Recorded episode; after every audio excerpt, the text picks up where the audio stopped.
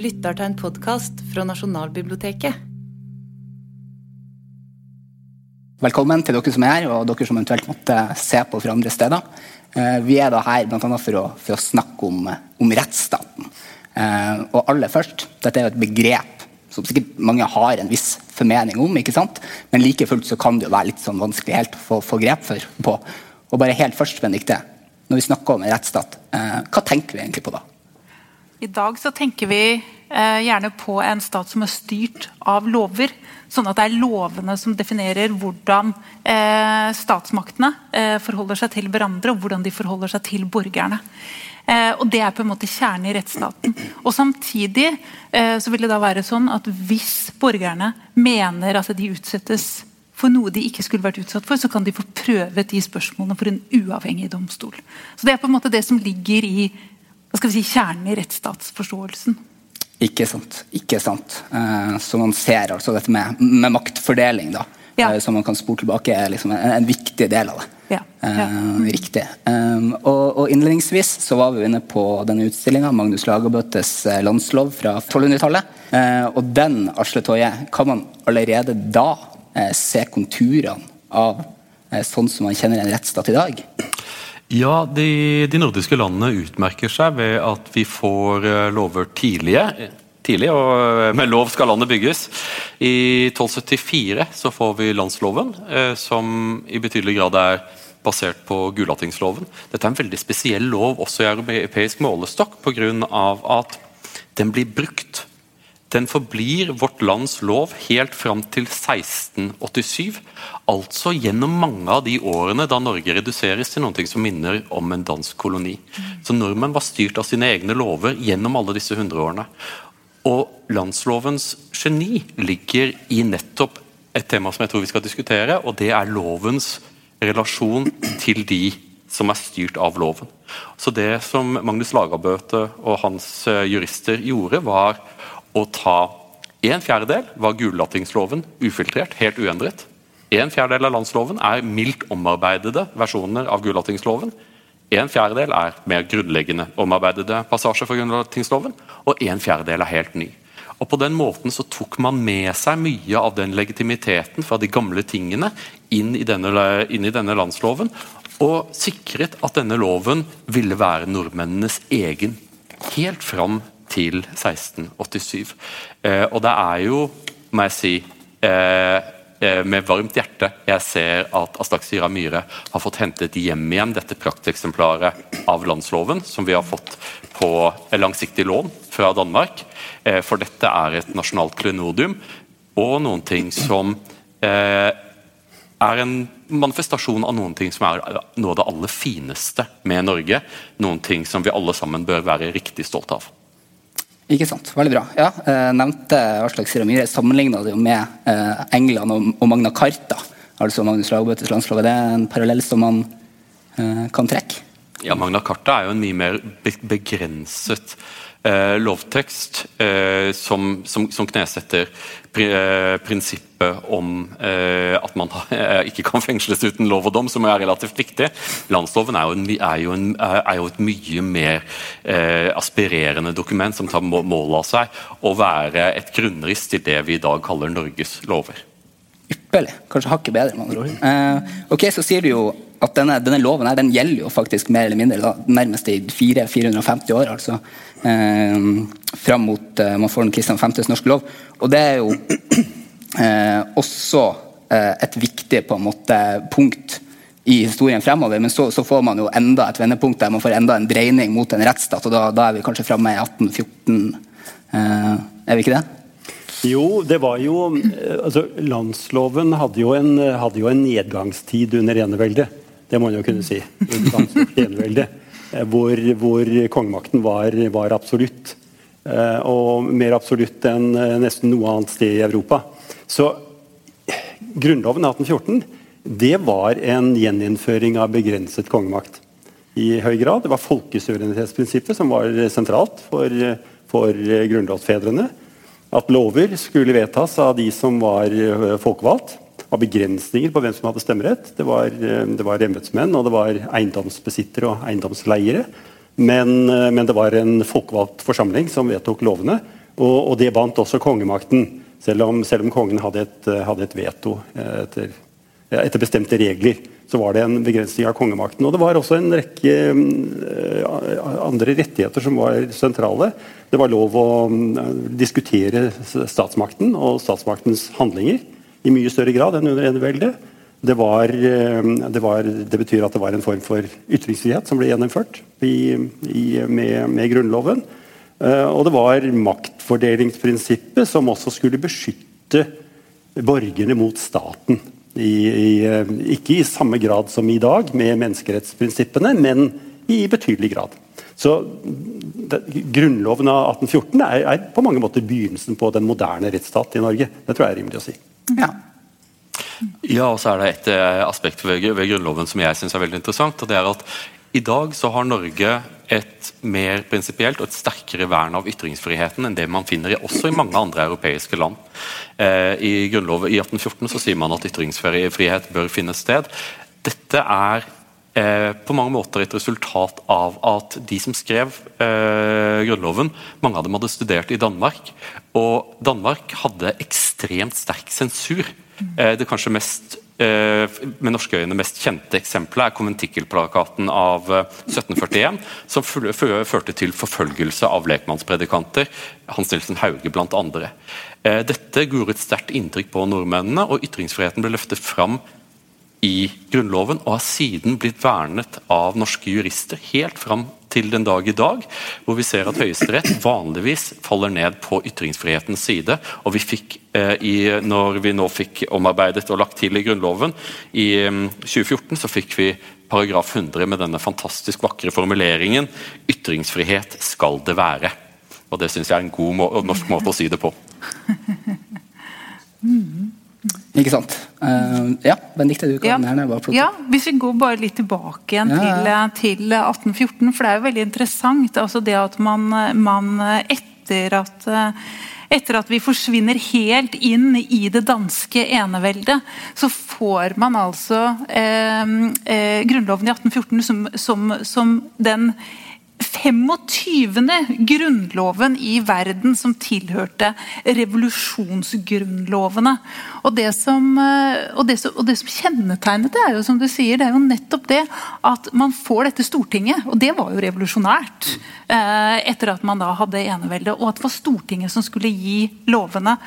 Så selv om man også tidligere hadde hatt en ganske sånn godt fundament gjennom landsloven, så fikk man dette tilleggselementet av folkesuvereniteten i 1814 som en sånn voldsom motreaksjon mot den, den eneveldige tiden. Og dermed så sikret var på en måte rettsstaten den fikk sitt fundament, eller sin hva skal vi si, sikring, i nettopp i folkestyret. Eh, så da får vi på en måte koblingen mellom rettsstat og folkestyre. Mm. Mm. Ja.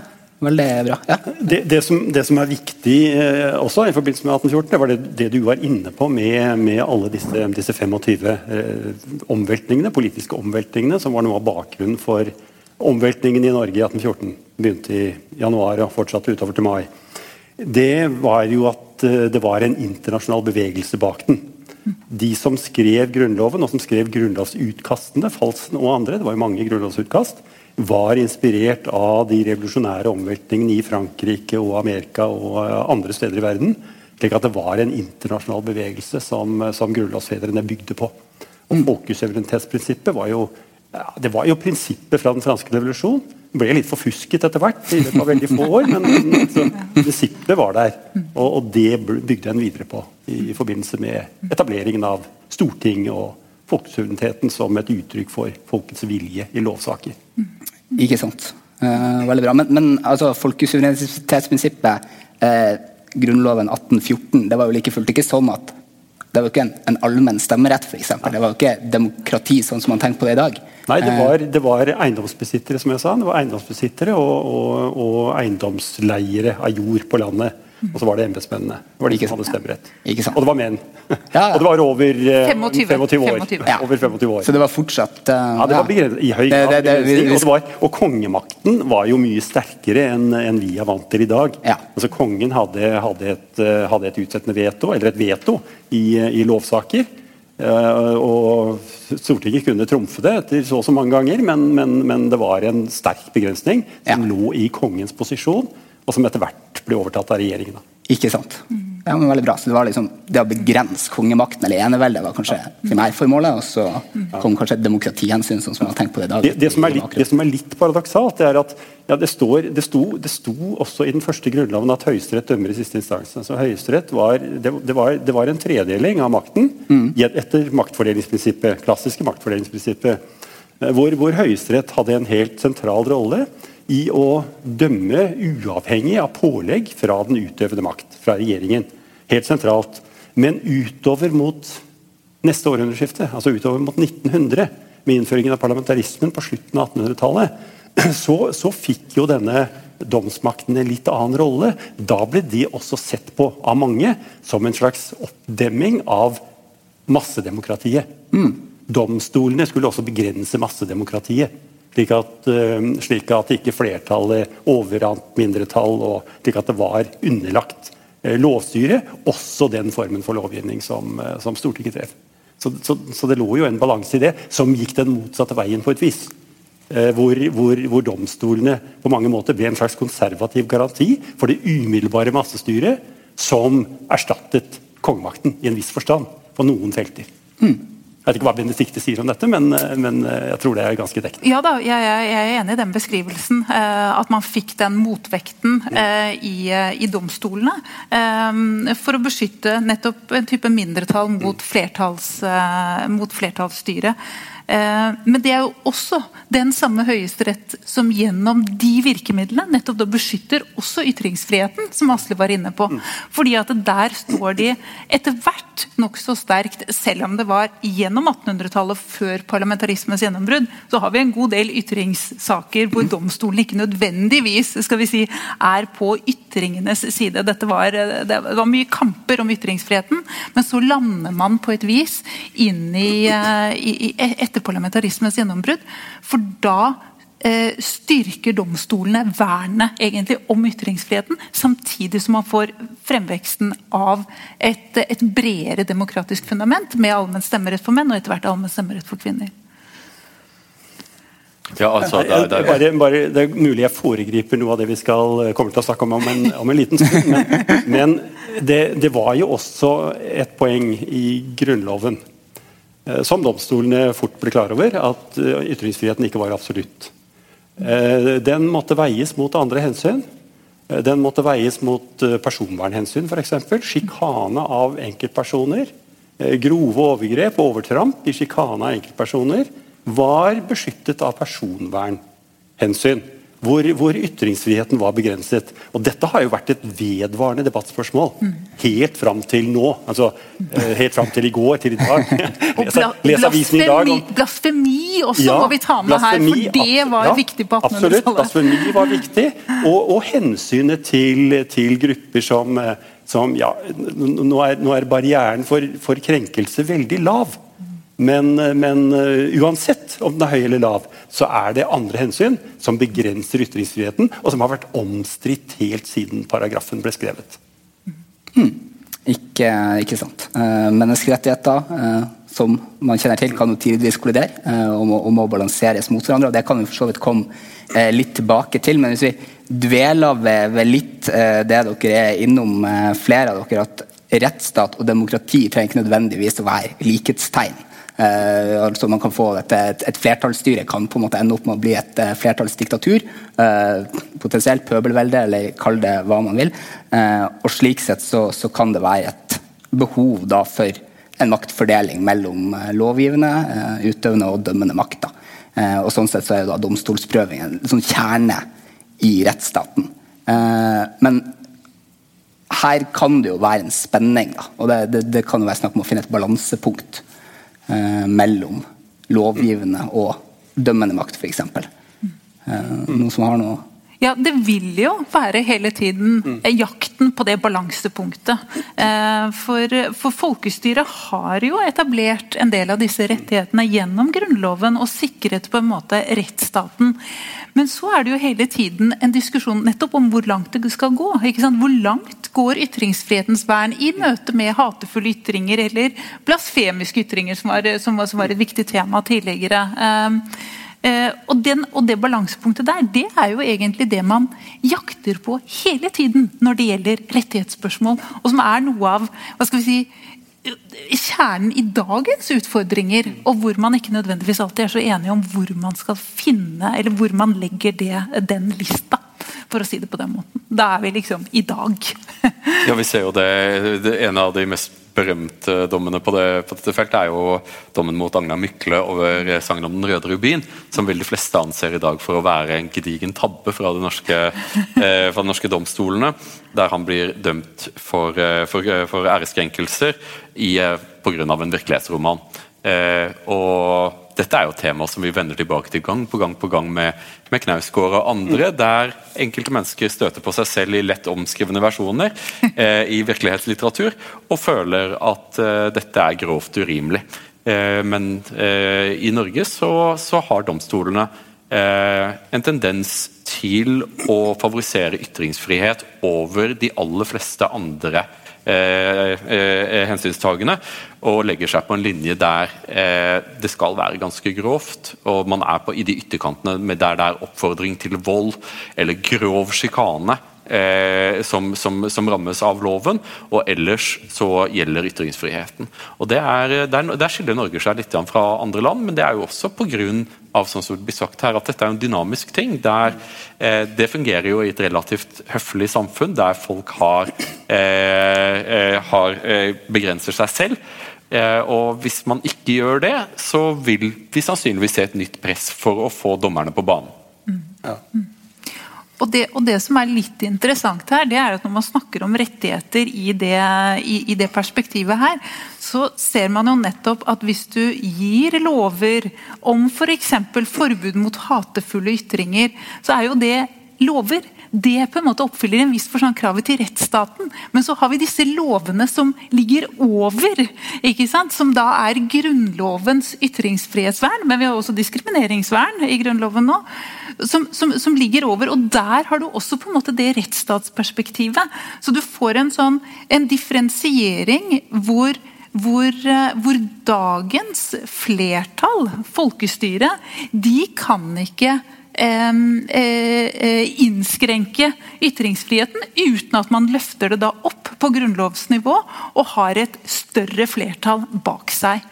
Sånn at du får et sånn rettsstatlig hva skal vi si, i to dimensjoner, uh, som da Grunnloven sikrer. Du må først, du må først ha, ha, ytringsfrihet i Grunnloven. Deretter så må du for å innskrenke den ha en lov som med rimelighet da kan straffe for, for hatefulle ytringer. Så, og det er, en, det er en ganske sånn interessant hva skal vi si, eh, konstruksjon da, i, innenfor rettsstaten. I, i, igjen så er, det jo et, så er det et internasjonalt aspekt ved dette. og det er at uh, Det var lenge en tendens til at i konflikten mellom ytringsfrihet og personvern Det gjaldt f.eks. Uh, store saker som var oppe i Norge.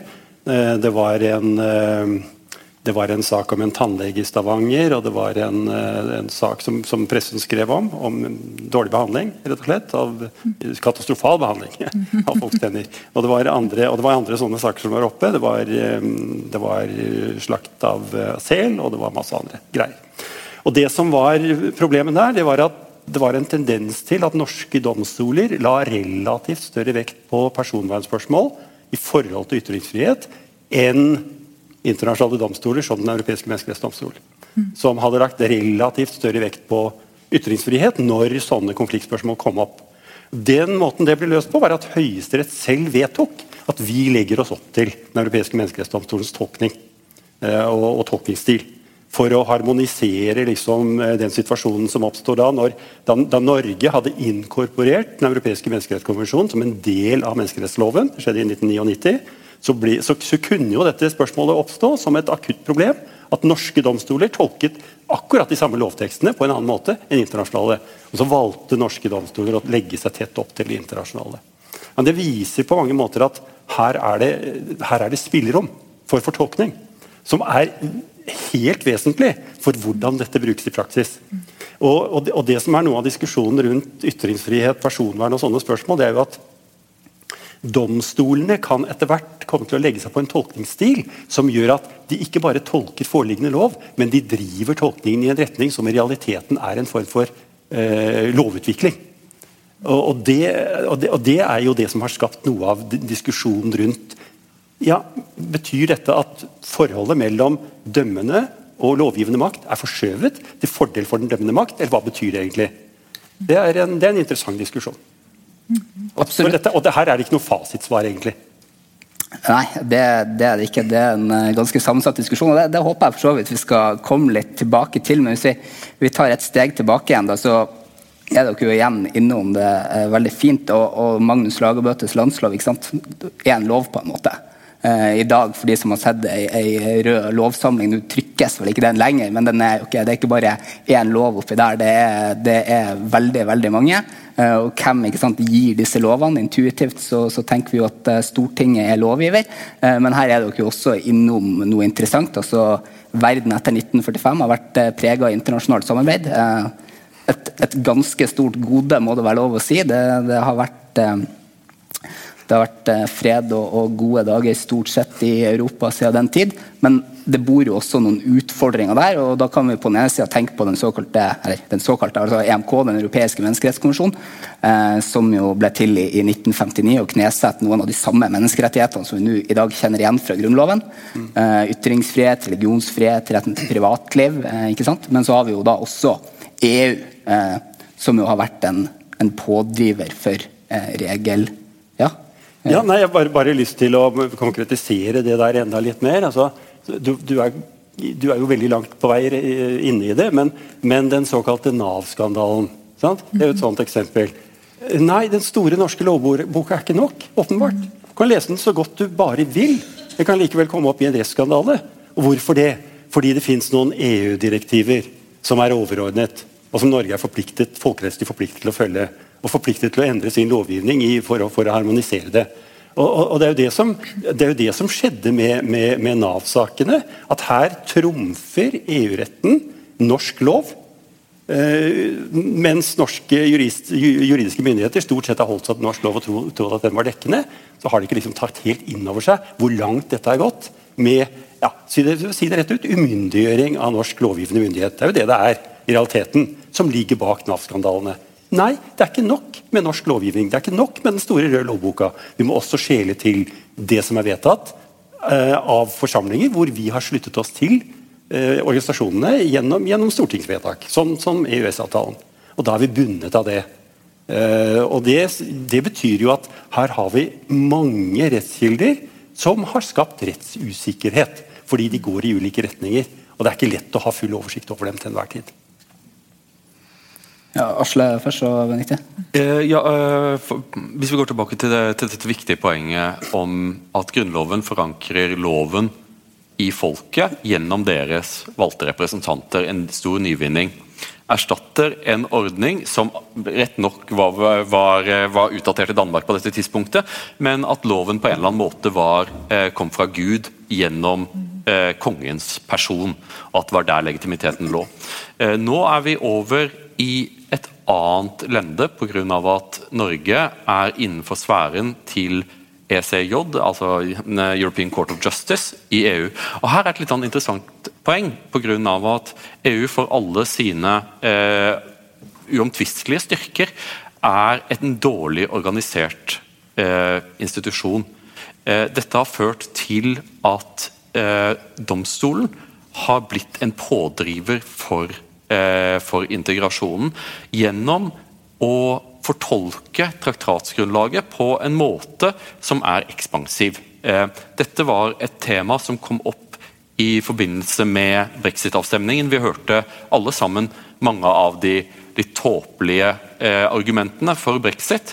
Men hvis man tittet litt dypere ned i den britiske debatten, så så man mange dommere og jurister som var svært skeptiske til at EU-domstolen stadig oftere brukte en formulering fra Romatraktaten, den såkalte 'ever closer union', altså tanken at EU skal bevege seg mot en stadig tettere union, som et vektig premiss i sine dommer.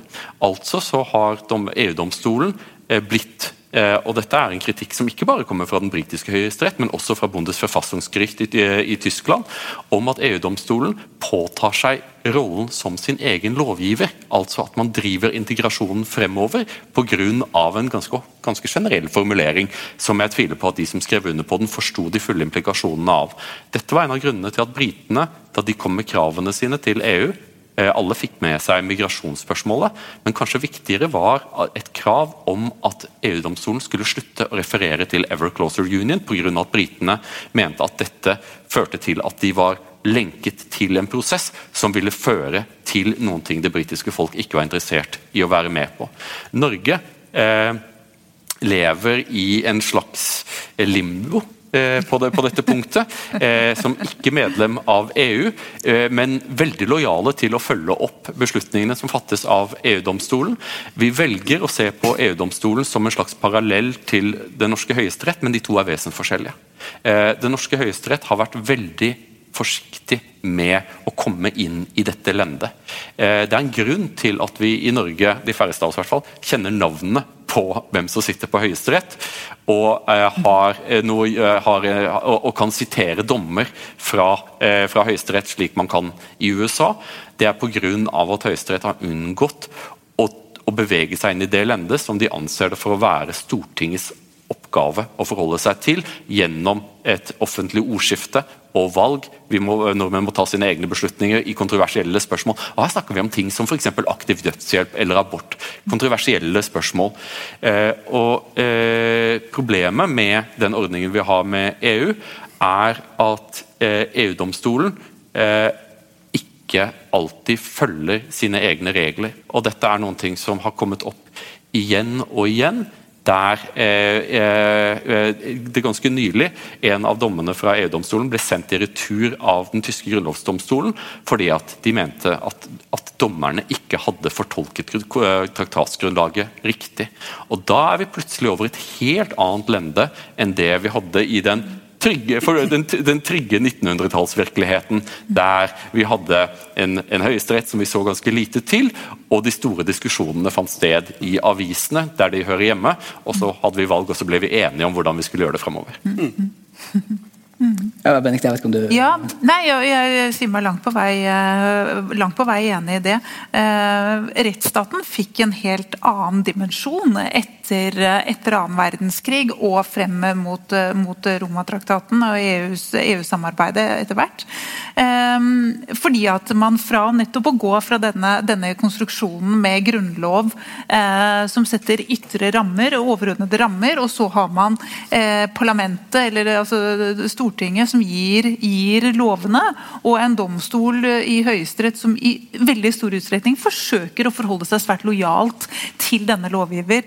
Så forflyttes vi oss inn i en, inn i en virkelighet hvor, hvor, det ikke lenger bare var Stortinget som var denne lovgiveren. Vi hadde Eh, mange andre aktører som også var lovgivere og satte rammene for rettsstaten. Og som vi da sluttet oss til med mange gode grunner, helt åpenbart. Nettopp for å sikre, eh, sikre at ikke vi skulle oppleve et nytt holocaust, og for å sikre at vi, vi, eh, vi, vi skulle, skulle, ha et, et, godt økonomisk samarbeid i Europa. Så mange gode grunner for det. Men som Asle sier her, så har det etter hvert kanskje vokst frem en sånn egendynamikk i, i de reglene. Og det, og det er nok, nok tilfellet både i forhold til Eh, menneskerettigheter i Europa og i forhold til EU-samarbeidet. At det vokser frem en dynamikk i de organene som skal ivareta disse reglene. Ehm, og Dermed så får man en spenning mellom det som er den nasjonale rettsstatstenkningen og det som er den internasjonale rettsstatstenkningen. Og Det gir en del utfordringer for hvordan prøve å kombinere dette. Eh, og så har man på en måte demokratitanken inni dette, og hva er egentlig demokrati i dag? Ja, bare som et, som et, lite poeng, på grunn av at eh, EU-domstolen har ikke den eh, eh, demokratiske fundamentet Nei. som det den nasjonale rettsordenen har. Mm. Eh, så det er altså en nyvinning der man får eh, en domstol som er mye mektigere enn det noen norsk høyesterett noen gang har vært. Samtidig som at det er litt uklart om hva de tufter eh, dommene sine på. I alle fall når traktatene de fortolker, er svært generelle i ordlyden. Så generelle at man kan stille spørsmål om hvorvidt de som signerte traktatene, kunne sett for seg at den dommen som siden kommer fra, at, at det var en tenkelig implikasjon. Og Da står man i et interessant, eh, et interessant dilemma, for det er ingen, ingen, måte som vi i Norge kan stemme på som kan, for, kan gjøre om på dette. Det finnes ingen farbar vei til å påvirke denne domstolen. Og Det er en, en, ny måte å gjøre ting på som er, som, er, som er, spennende, men som sikkert også har eh, sine potensielle nedsider. Mm. Litt en tilføyelse til dette, jeg er helt enig i det dere sier. Men jeg, jeg tror jeg kan si det på en litt annen måte også. Det er at Norske myndigheter er underlagt internasjonale domstoler gjennom avtaler Norge har inngått. Og Det gjør at retten er internasjonalisert på en mye mer komplisert måte enn vi har vært vant til. Eh, det gjør at eh, det er ikke så helt opplagt hva rettsstaten egentlig betyr på norsk jord lenger. Fordi vi har dette dobbelte systemet. Vi har norsk rett og norske domstoler, og så har vi en internasjonal rett som samtidig er en del av norsk rett i noen grad. Og hvor vi også er gjenstand for, og, forpliktet overfor, domslutninger som treffes av internasjonale domstoler. Det som er den helt grunnleggende forskjellen, det er det dere så vidt var inne på, det er at når norske domstoler skal fortolke retten, så setter de seg ned og lurer på hva mente lovgiver her. Hva kan de ha ment? Dette er litt uklart formulert. Hva kan de ha ment? Og hvordan, eh, hvordan løser de det? Jo, de ser på forarbeidene. De ser på debatten i Stortinget, de ser på innstillingene fra komiteen. De tolker i lys av forarbeider for å komme nærmest mulig lovgivers vilje, som er Stortinget. Mm. Internasjonale domstoler nei, de har ikke noen forarbeider. De har en uklar traktat. En generelt formulert traktat og hva kan du gjøre med den traktaten? Jo, omtrent hva de vil. Altså, De står mye friere, fordi de er ikke bundet av lovgivers vilje gjennom forarbeider, som vi er på nasjonalt plan. Og Det gjør at retten drives i mye større grad gjennom dommernes synspunkter på aktuelle stridsspørsmål til enhver tid enn den eh, norske rettsutøvelsen, hvor en i mye større grad er bundet av tekster fra lovgivers side. Og Det er den store forskjellen. Og, og, En veldig god illustrasjon på hvor uklare disse bestemmelsene er, det er, det er noe av det dere har vært inne på. Uh, ever closer union, hva betyr det egentlig? Stadig tettere union. Eh, domstolen skal tolke i lys av det. Subsidiaritet, som betyr at uh, beslutninger skal treffes på lavest mulig nivå, i den grad det er forenlig med traktaten. Hvem er som avgjør hvem, hva som er forenlig med traktaten på lavest mulig nivå? Jo, det er domstolen. Det er domstolen som avgjør det. Og Det betyr at domstolsmakten eh, på internasjonalt plan er mye sterkere enn vi er vant til i maktbalansen mellom lovgivende og, og, og, og dømmende makt. Ja, også for, for, å gjøre det hele enda mer eh, moro, så er jo eh, den, er, den, europeiske domstolen, EU-domstolen, er jo eh, hevet over politikken eh, og, og, anser seg selv for å være ubundet av, eh, av politiske hensynstagende, men det er den jo ikke. Er jo, vi er jo i en situasjon der i det øyeblikket tyskerne, franskmennene eller britene tidligere skrek opp altså Hvis dommerne i et av de store, tunge EU-landene skrek opp, så hadde det en tendens til å se at EU-domstolen jenket seg. Mens for små stater som Norge så har vi ikke noe, noen tilsvarende makt. Som jo er problematisk. For vi er ikke en stor makt, men vi er suverene. Og, og, og det, den type de facto forskjellsbehandling selv om dette, det, det er skrevet en del om dette, men Problemet med EU-domstolen er jo som, som, det, som det professor eh, Østerud påpeker, er at den er veldig ugjennomtrengelig. Eh, det er, eh, det, er, det er, vanskelig å komme tettere inn på hva de tenkte da de fattet beslutningen. De er ikke detaljerte i, samme, i sine betenkninger i samme grad som man finner i andre domstoler med tilsvarende virkefelt. Og viktigere Når man har så mektige domstoler eh, som påtar seg en rolle og, som, er, som, er, politisk, og tar beslutninger som er nyvinnende og som har en direkte effekt på, på, på, på samfunnet, så er det vanlig å politisere domstolen. I alle fall eh, så har vi sett det i USA, pga. at det er så viktig eh, hvem som er dommer i denne domstolen. Og Dette har vi ikke sett i, i, EU. Eh, og det vil jeg kanskje spå at vi vil se fremover. Eh, for hvis denne domstolen er overrepresenterer én type politisk sinnelag og underrepresenterer andre store eh, blokker, så vil ikke stater finne seg i det. Og Du ser allerede en bevegelse i Polen og i Ungarn og stiller spørsmålstegn om hvem disse dommerne er, og, hvor, øh, og hvorfor de er så skeptiske til deres, deres regime. De føler seg utsatte. Ja, og Noe av bakgrunnen for at, eh, for at man får den eh, si, sterke domstolsmakten, eh, og at de, de, løsriver seg i stor grad fra de politiske intensjonene med lovgivning i, i, i EU og i EU-domstolen, det har litt sammenheng med at det er litt ulike rettskulturer i Europa. Og man har egentlig i hovedsak fire altså sånn grovt sortert fire ulike rettskulturer. Man har den sentraleuropeiske, man har den angloamerikanske retningen, så har man den mer østeuropeiske, og så har man den nordiske retning. Og i den nordiske retningen så har det vært mye sterkere koblinger mellom det som er egentlig den lovgivende og den dømmende makt, og hvor den dømmende makt har tatt, eh, tatt hensyn til lovgivers eh, intensjoner. Mens man i den sentraleuropeiske tradisjonen nok har ligget mye tettere på egentlig Montesquieus gamle på en måte uttrykk, og som man i og for seg kan stille spørsmål ved om Montesquieu egentlig sa også. Det er også en diskusjon. Eh, det vet helt sikkert du mye mer enn meg om. Men rett og slett det at, at dommeren skal på en måte bare uttale lovens ord. Han skal bare eh, gjenfortelle og gjenskape det som er lovens ord. Og Dermed så søkes det ikke på samme måten etter intensjonene, eller etter de, si, de, de gode intensjonene og det som var ønsket med eh, å gjennomføre en sånn lov. Og Det er rett og slett to helt ulike rettstradisjoner. så det gjør nok at Selv om vi syns det er vanskelig å tolke disse direktivene, og norske jurister sliter med det, det er helt riktig, man skal være godt trenet.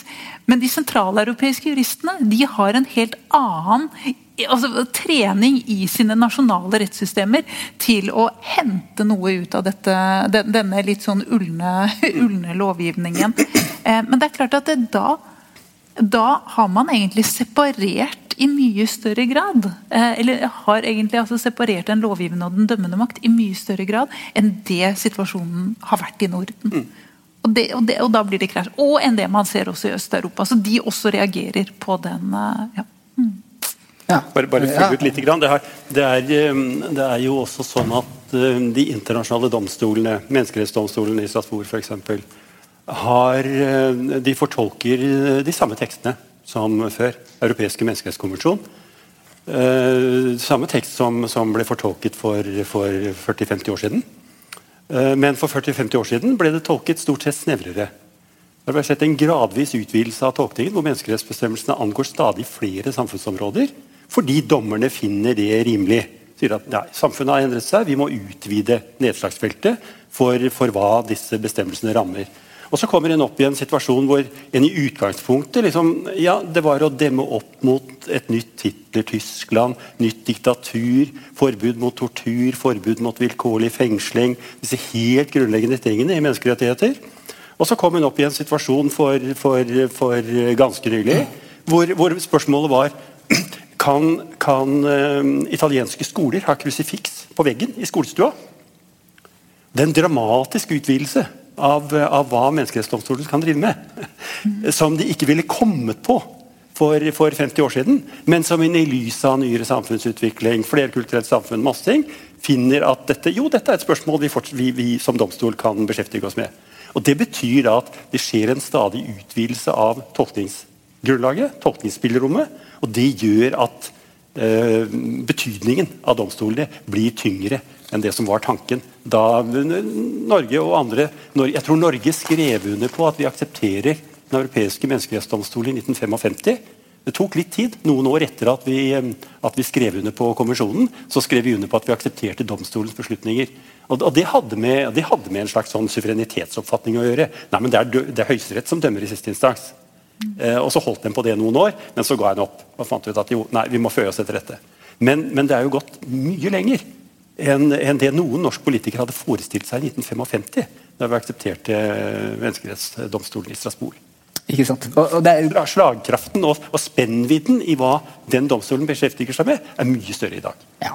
Um, og det er jo sant, og Her er dere jo innom noe viktig som jo sikkert de, de fleste kjenner til, men det er jo da en, en forskjell på EU-domstolen eh, naturligvis, og EU, også da Den europeiske menneskerettighetskonvensjonen og Den europeiske menneskerettighetsdomstol i, i Strasbourg, um, der Norge er jo er direkte bundet av sistnevnte, eh, også mer indirekte gjennom EØS-avtalen. Så kan vi diskutere hvor indirekte det er, selvfølgelig.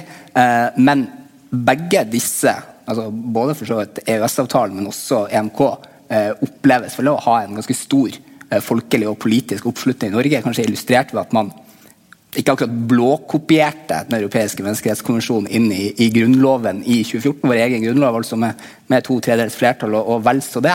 Mm. Eh, og fikk det da inn som en, en direkte del av norsk lov, uh, og da på en sånn måte at det da står i hierarkiet over uh, alminnelig norsk lov, som for så vidt EMK også gjør, da, eh, riktignok, men men en enda, enda, sterkere forankring, vil man jo mene. Og der var jo du da sekretær for det, det såkalte Lønning-utvalget, Benedicte. Ja. Um, og, og, viser ikke det kanskje at, at menneskerettigheter som sådan har en ganske sterk forankring, og det er kanskje ikke så unaturlig at Den europeiske menneskerettsdomstolen nå må ta stilling til overvåkning av e-poster, eh, uten at man nødvendigvis må ta opp spørsmål om man skal liksom eh, ja, skrive om på hele traktaten. Mm. Eh, at det er mer en slags rettsavklaring, da, for å bruke et begrep, enn en kanskje en, en dynamikk. Eh, altså at det, det også er noe der. Ja.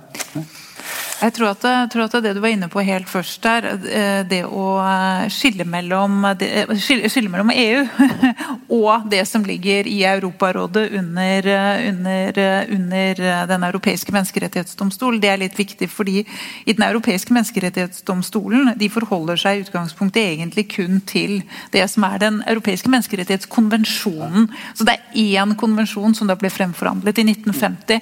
Eh, mens EU-systemet det er jo egentlig helt diametralt motsatt. Du har denne traktaten fra, fra, fra 1957 som nå, nå, altså nå er det vel nå, I snitt så kommer det vel et nytt direktiv i døgnet fra EU. Sånn at lovgivningsprosessen her altså Da snakker vi på en måte om en, en, en rettsstat som har fått litt ADHD, altså. Ikke sant? At, og, og, og, det er jo og det er klart at det, dette er jo veldig ulike systemer. Um, så mens man i, i EU sliter med med at, man, at, vi rett og slett ikke klarer oss å henge helt med i, i, i, eh, i det som skjer, så eh, sitter EMD med denne ene konvensjonen fra 1950, hvor man Eh, hvor man ikke hadde tenkt så mye på, på, på transpersoner og på? Altså, og det gjør jo at når disse spørsmålene kommer opp, så, så, vil man gjøre innfortolkninger i det eksisterende regelverket, som retten til privatliv f.eks., eh, som man da fanger det opp under. Så Det var jo spørsmål som man ikke hadde, hadde oppe den gangen. Så jeg syns kanskje ikke det er så rart at man får en viss dynamisk utvikling basert på samfunnsutviklingen i Europa. Eh, og jeg tror kanskje også at det er, det er bra. Altså Det gjør at vi utvikler oss. Men det er klart at det går man for langt i og Du nevnte denne krus, krusifikssaken fra, eh, fra Italia. Men det som skjedde der, var jo at, at man fikk først en storkammeravgjørelse i EMD, hvor man da slo ned på dette med at man skulle ikke bruke krusifikser, og så ble det veldig mye eh, bråk, så fikk man, da, fikk man, da, storkammer som gikk inn snudde. og snudde. Mm. Og sa det at det er helt greit. Det er en tradisjon for dette, og så, måte, og så, og så langt kan man ikke gå. Men det er klart at det, dette er men, men men, men, men, det illustrerer et, et, poeng som du har her. At det er en viss sånn dynamikk. At dette er nok et spørsmål man aldri ville tatt opp i 1950. Fordi det var selvsagt at man kunne ha krusifikser på skolene i, i 1950. I dag så er det et, plutselig blitt et rettsspørsmål. Ja. Jeg vet ikke om du hadde ville ha ordet først. her. Ja, nei, min, min, gamle veileder eh, på Columbia universitet i, i New York, Kenneth Paul, sa «If you put the court above the king, then the court is king». Legg merke til at Den europeiske domstolen i EU har ikke underkastet seg menneskerettighetsdomstolen. Eh, det er en makt som de ikke har tenkt å gi fra seg, mens vi har underkastet oss begge to. Eh, eh, den europeiske menneskerettighetsdomstolen har i senere år, iallfall en periode fra slutten av 90-tallet fram til rundt 2015, hadde en fase som kan kanskje kalles juridisk aktivisme, der man pøste ut dommer om ting som ikke helt åpenbart lå innenfor i alle fall de grunnleggende menneskerettighetene. Eh, og Det kom en del kontroversielle dommer, som, eh, som f.eks. i Storbritannia så får ikke fanger som sitter i fengsel stemme i valg. Dette er noe som vi alle sammen kan diskutere. Eh, tap av frihet Eh, er, er, en dramatisk ting som staten kan gjøre mot deg. Og britene mener at det er en naturlig følge av dette er at du heller ikke får lov til å være med på å stemme i valg. Eh, menneskerettighetsdomstolen var uenig i dette og fikk en, eh, en, en, en krise i fanget pga. at dette var noe som går i gammel britisk lovtradisjon, og som folk er enige om i Storbritannia. Det har vært en hel del andre dommer om f.eks. hva mener dere om er det lov til å kaste ut en, eier, en leieboer som ikke betaler leia? Eh, dette er jo et interessant juridisk spørsmål, men er det et menneskerettighetsspørsmål? Eh, eller er det et spørsmål som hører hjemme i den politiske sfæren? Eh, og Det er den kritikken som har kommet mot Menneskerettighetsdomstolen. At den har påtatt seg å postulere om tema som ligger på de ytre marginene av menneskerettighetene, og som er spørsmål som kanskje best, eller jeg mener, best ville ha vært håndtert gjennom den hjemlige politiske diskusjonen som gjør at vi har som vi snakket innledet med, en dynamisk forståelse av våre egne lover og grunnlover. Jeg synes at Ytringsfrihet er et veldig godt eksempel på dette. Hvor det er en flo og fjære i, i retning av at vi holder ytringsfriheten overalt. Og så, øh, og så ser vi, utvikler samfunnet seg på en måte som at vi ser at det, men her har vi et problem, her må vi, her må vi stramme litt inn. Eh, men, men vi er alle sammen med på det, på reisen. Eh, når ting blir droppet inn med helikopter fra Strasbourg, så blir det lett mer problematisk. Norge har ikke hatt noen sånne sjokksaker som det mange andre europeiske land, Italia blant dem, eh, har hatt. Eh, men jeg tror nok at Menneskerettighetsdomstolen har vært problematisk. Bare for å gi et lite eksempel. En gang så var, så var Norge med i Den internasjonale hvalfangstkommisjonen. Og Norge trakk seg under Gralum Brundtland fra denne kommisjonen en henvisning til at medlemmer av kommisjonen sendte aktivister som deres representanter. Det syntes Norge var et brudd på eh, forståelsen av hva denne kommisjonen skulle gjøre. Den skulle sette kvoter for jakt av hval, og når du sender da aktivister, så blir det jo ingen kvoter. Derfor trekker vi oss. Eh, I Menneskerettighetsdomstolen har det vært en tendens til at stater utpeker menneskerettighetsaktivister som dommere, og resultatet har vært, eh, vært som følger. Eh, eller, så, så, som ventet, at man har fått en veldig ekspansiv fortolkning av menneskerettighetene. Eh, professor, Jusprofessor Ole Jems Onsdag har skrevet en veldig interessant bok om nettopp dette, eh, som heter 'En verden uten helvete'. og Han trekker fram et veldig interessant eksempel. Dere husker flyktningkrisen? Flyktningkrisen var en direkte konsekvens av en dom avsagt av Menneskerettighetsdomstolen i forhold til hva man gjør med migranter som, eh, som blir reddet til sjøs. Eh, menneskerettighetsdomstolen sa at eh, alle som klarer å komme seg i, eh, i, en farkost i saltvann og bli reddet, har rett til å søke asyl i Europa de facto. og Dette førte til en voldsom mengde mennesker som forsøkte å ta seg over Middelhavet i farlige farkoster. Mange druknet. det førte til en enorm politisk krise i Europa. og Dette er hvordan domstoler, som nok mener det godt, kan gripe inn i politikken på en måte som jeg tviler på at dommerne forutså da de avsa den såkalte, avsa såkalte Hishi-dommen. Ikke sant? Ja, nei, det, og det, Dette er jo viktig, at man diskuterer disse liksom, overnasjonale institusjonene sin legitimitet og, og, rolle, og hvorvidt det har gått for langt. og der, der, har man jo sett, som du er inne på, så du drar 2015 som en slags grense, og man kan sikkert diskutere om den kanskje går tidligere var, eh, signaler fra medlemslandene da, i, i Europarådet om at man ønsker at EMD i større grad tar et steg tilbake. Eh, og man vektlegger dette såkalte subsidiaritetsprinsippet, man vektlegger skjønnsmargin. For først og fremst så er det jo opp til nasjonalstaten, da Norge, og liksom lovgiver, utøvende makt her, dømmende makt også, og, opprettholde og overholde eh, de eh, forpliktelsene man har påtatt seg.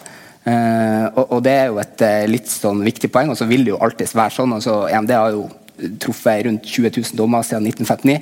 At noen av disse avgjørelsene her eh, er kritikkverdig, eh, kan diskuteres. Sånn vil det jo også være. Og, og så føler jeg da med mitt arbeidstid eh, Norges institusjon for menneskerettigheter, det er viktig å, å huske på bakteppet at her har man hatt en, en rettssikkerhetsgarantist for rundt 800 millioner europeere. Uh, og det å liksom sikre en felles europeisk standard uh, for særlig da de som kommer fra land med litt svakere rettsstatstradisjon enn oss. Eh, det skal man nok ikke undervurdere. og så, så kommer det jo selvfølgelig med, med en viss kostnad, da, som jo Storbritannia kanskje som en, som en øy som, som har stor, stor tro på, på, det de driver med, kjenner på. Men det, men det er interessant. Absolutt. Ja, Benedicte. Ja, jeg tror, jeg tror, også det at, at, vi skal være litt forsiktige med å, med å kritisere eh, EMD eh, altså i generelle ordelag, eh, men heller ta de dommene, de avgjørelsene, som man mener er kritikkverdig. For det er, det er, mye EMD har bidratt med. Vi har jo bl.a. hele Russland er jo inne i dette samarbeidet. Mm. Eh, og det har vært en viktig faktor for Europarådet å forsøke å beholde Russland eh, inne. Eh, hvor man da nettopp kan se at man får en god del avgjørelser mot Russland. Og så har vel også noe av tankesettet til EMD vært at skal man få Russland og en del av disse andre østeuropeiske landene til å akseptere de avgjørelsene, så må det innimellom også felles dommer mot vesteuropeiske land. Og det er klart at det, Den balansen der den er ikke nødvendigvis kanskje alltid så, så um, eh, hva skal vi si, så jevnt fordelt. Da, da, hvor man i noen grad ser at de vesteuropeiske landene eh, blir tatt på pirk, blir tatt på ting som man kan diskutere, og hvor man utvider i noen grad det som kanskje har vært menneskerettighetsvernet tradisjonelt. Eh, og det kan til en viss grad sies å være prisen å betale for at vi skal sikre sikre mot, eh, mot uh, tortur i, uh, i, russiske fengsler og en del andre, og, og en del andre land. Så det, dette, er, dette, og, dette, og dette ligger det litt politikk. fordi i Europarådet så sitter jo nettopp ehm, eh, de politiske organene. Og de tar jo stilling til løpende eh, mulige sanksjoner mot Russland for manglende gjennomføring av EMDs dommer. Så det ligger et visst sånn politisk element eh, bak EMD her. Eh, så jeg tror ikke vi skal helt undervurdere den dynamikken og hvor viktig det er. Ehm, så, så jeg syns nok at EMD av og til får litt urettmessig eh, liksom generell kritikk for å være for, for dynamisk. Men noen avgjørelser, eh, ikke tvil om at de kan gå litt for langt. I, I, noen tilfeller så er det jo også slik at politikere, folkevalgte organer, foretrekker å overlate vanskelige avgjørelser og avveininger til domstolene. Mm. For å slippe å ta den politiske belastningen, selv om det åpenbart er et politisk spørsmål. Det er ikke urimelig å si at avveiningen mellom ytringsfrihet og personvern er et politisk spørsmål. Det er ikke urimelig å si det. Det er ikke noe, er ikke noe, er ikke noe i traktaten som sier at det ene skal veie mer enn det andre. En vanskelig grensedragning. Hvor, hvor går liksom grensen for, for sjikane og trakassering? Liksom, hva, hva, er det i forhold til ytringsfrihet? Vanskelig å trekke. Politisk spørsmål, kanskje. Enda tydeligere forholdet mellom uh, grupperettigheter og individuelle rettigheter vanskelig å trekke grensen. Skal, liksom, skal, islam ha lov til å diskriminere kvinner i arveloven? Eller skal eh, islamske kvinner ha samme rettigheter som menn? Som vi ellers krever i, i, i, uh, i europeiske samfunn for øvrig. Dette er, liksom, dette er vanskelige politiske spørsmål som, som, politikere på et vis må gå inn i. Men i noen tilfeller så kvier de seg. Det var en veldig god illustrasjon da, da Tyskland ble gjenforent i 1990. Da slo de sammen Øst-Tyskland og Vest-Tyskland, og de hadde vidt forskjellig lovgivning. Og så var det Noen av de eh, lovene som var ganske kilende. Et av dem var abortspørsmålet. abortlovgivningen. Det var fri abort i Øst-Tyskland, men det var en ganske begrenset rett til, til abort i Vest-Tyskland. Og Hva gjør politikerne da? Åpenbart politisk spørsmål. De setter seg sammen med representanter fra begge stater, og så kommer de frem til en uh, ny abortlovgivning. Et kompromiss, eller hva det er. Men politikere nei, nei, nei, vi orker ikke ta i dette. Og Det de gjorde da, det var å overlate hele det politiske spørsmålet til domstolen. Og så, sa, og så sitter domstolen liksom og, og, og, tenker ja, er det rimelig med, med, abort på de og de kriteriene etter, etter hvilken uke, eller hvilke, hvor mange dager? Liksom helt åpenbart domstolsfremmed spørsmål. Men politikere ville gjerne at nei, men det er mye bedre at domstolen gjør det. tross alt. Så slipper vi å sitte med ansvaret. Og så ble det sånn. Domstolene trakk opp en ny abortlov, og den ble vedtatt i, i, det, i, det, samme, i det sammenslåtte Tyskland. Så det er, mange, det er mange sånne spørsmål hvor, hvor, politikere som kvier seg for å ha et standpunkt. Og så overlater de dette til domstolene, som så i neste omgang kanskje blir langt mektigere enn politikere egentlig hadde tenkt seg. Mm. Ikke sant? Og, og, Det er jo et viktig poeng som vi for har vært innom, at det det at menneskerettigheter, eller De færreste menneskerettigheter er jo absolutt, eller er ikke absolutte. ikke sant? Eh, de kan gjøres eh, begrensning av, ja, ja. men, det, men det fordrer jo at man har et tvingende samfunnsmessig behov. Eh, la det være seg av hensyn til andre individers rettigheter. Denne klassiske kollisjonen eller balanseringa mellom ytringsfrihet og, og personvern, der det handler om å, å, finne en fair balance. Eller av hensyn til mer sånn samfunnsmessige flertallsbehov. Eh, og Da vil jo statene nødvendigvis ha en ganske sånn stor skjønnsmargin, men da må man jo begrunne det godt da, i konkrete, tungtveiende behov. Men, men, før vi egentlig går videre og runder av, eh, så tenkte jeg kanskje vi bare kort også kunne komme inn på eh, Dette var jo egentlig en samtale som skulle finne sted i mars. Eh, ikke sant? Eh, og da fikk man 12. mars, til og med. Ikke sånn til og med. Til og med. Uh, og da, da, ble jo, som uh, sikkert alle kjenner til nødvendigvis uh, Norge ble jo relativt nedstengt og, og, omtalt da som at man fikk de, de sterkeste tiltakene i fredstid. og Det er jo sjelden man er i en, i en, situasjon i en norsk kontekst der man kan starte å snakke på om, om den norske rettsstaten blir satt på prøve. da Eh, for å bruke eh, sånn cirka ordene til din kollega Benedikte, Benedicte, Hans Petter Graver, som er jusprofessor. ikke sant? Ja, ble den norske rettsstaten satt på prøve, og, og man den? Består man den, for å si det sånn? Er det noen som har noe ja, altså, jeg, jeg jeg syns nok ikke egentlig at den norske rettsstaten ble satt på prøve. Og hvis man trekker det så langt, så vil jeg nok eh, svare nokså klart på at den, eh, den prøven ble bestått. Jeg syns det var Eh, jeg, syns det var nokså elegant at regjeringen og Stortinget gikk inn, et, eh, altså gikk inn i et, samarbeid eller en diskusjon hvor også offentligheten hadde muligheter til å komme med synspunkter. Vi trengte en god del nye reguleringer i forbindelse med lockdown. Det som var den mest akutte situasjonen 12.3 Jeg satt i et møte i, i Oslo tingrett. I helt annen anledning så kommer det, kommer det altså en, en, sekretær, en ansatt, svinsende inn og sier til, til ledelsen der inne at nå har Danmark stengt domstolene. Nå er det kun fengslingsmøter som holdes, altså varetektsfengslingsspørsmål. Um, og da ble det litt sånn ja, skal vi gjøre det? Og så ser, eh, ser liksom ja, Vi kommer ut i møte om 15 minutter, da er vi ferdige her. vi runder av. Og Så ble det også truffet en beslutning i Norge på at nå blir det bare fengslingsmøter. Så Det som var mest akutt egentlig 12. mars, det var hvordan få domstolene opp og gå med smittevernhensyn. Vi skulle jo gjerne ha tenkt på alt dette på før, med avstand og antibac og alt dette. Antibac var vi tenkt litt, kanskje, men, det, men, men, men, eh, men man trengte regler om det. Fordi at domstolene er så detaljert regulert i domstolsloven at man måtte gjøre om på dette. Og sånn hadde man også en lang rekke andre regler.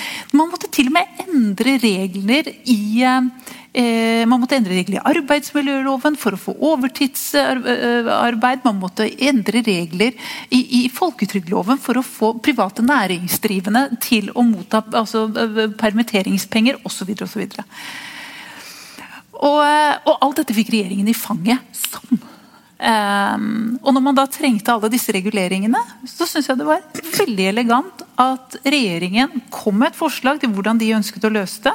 Stortinget var ikke nødvendigvis helt enig i alle detaljene, men de gikk i dialogen. Og de løste det. Uh, og offentligheten hadde innsyn. Uh, så i en kritisk situasjon så syns jeg det var relativt forbilledlig, ja.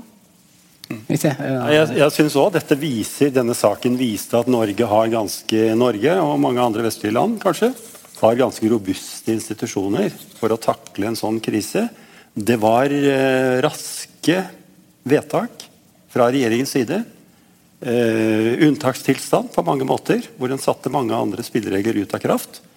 Eh, en kan godt tenke seg samfunn hvor dette ville blitt begynnelsen på noe langt verre og mye varigere og veldig langvarig og veldig dyptgripende.